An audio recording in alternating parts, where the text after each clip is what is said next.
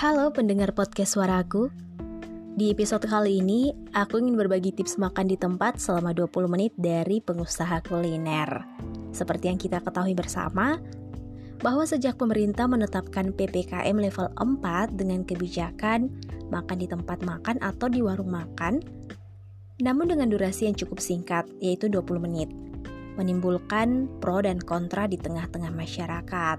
Nah, untuk menyiasati beberapa maksud saya untuk menyiasati hal tersebut, beberapa pebisnis kuliner berbagi tips. Dan di antaranya, pengunjung makan dengan fokus tanpa diselingi dengan mengobrol dan juga memainkan gadgetnya. Karena katanya, salah satu hal yang membuat durasi makan jadi lama karena diselingi dengan mengobrol dan juga bermain gadget. Kemudian, memesan makanan yang memang sudah tersedia dan selanjutnya, pengunjung diberitahu tentang durasi makan selama 20 menit ini. Dan sekian tips makan selama 20 menit dari beberapa pengusaha kuliner. Dan informasi ini saya rangkum dari liputan6.com. Sampai jumpa di episode selanjutnya.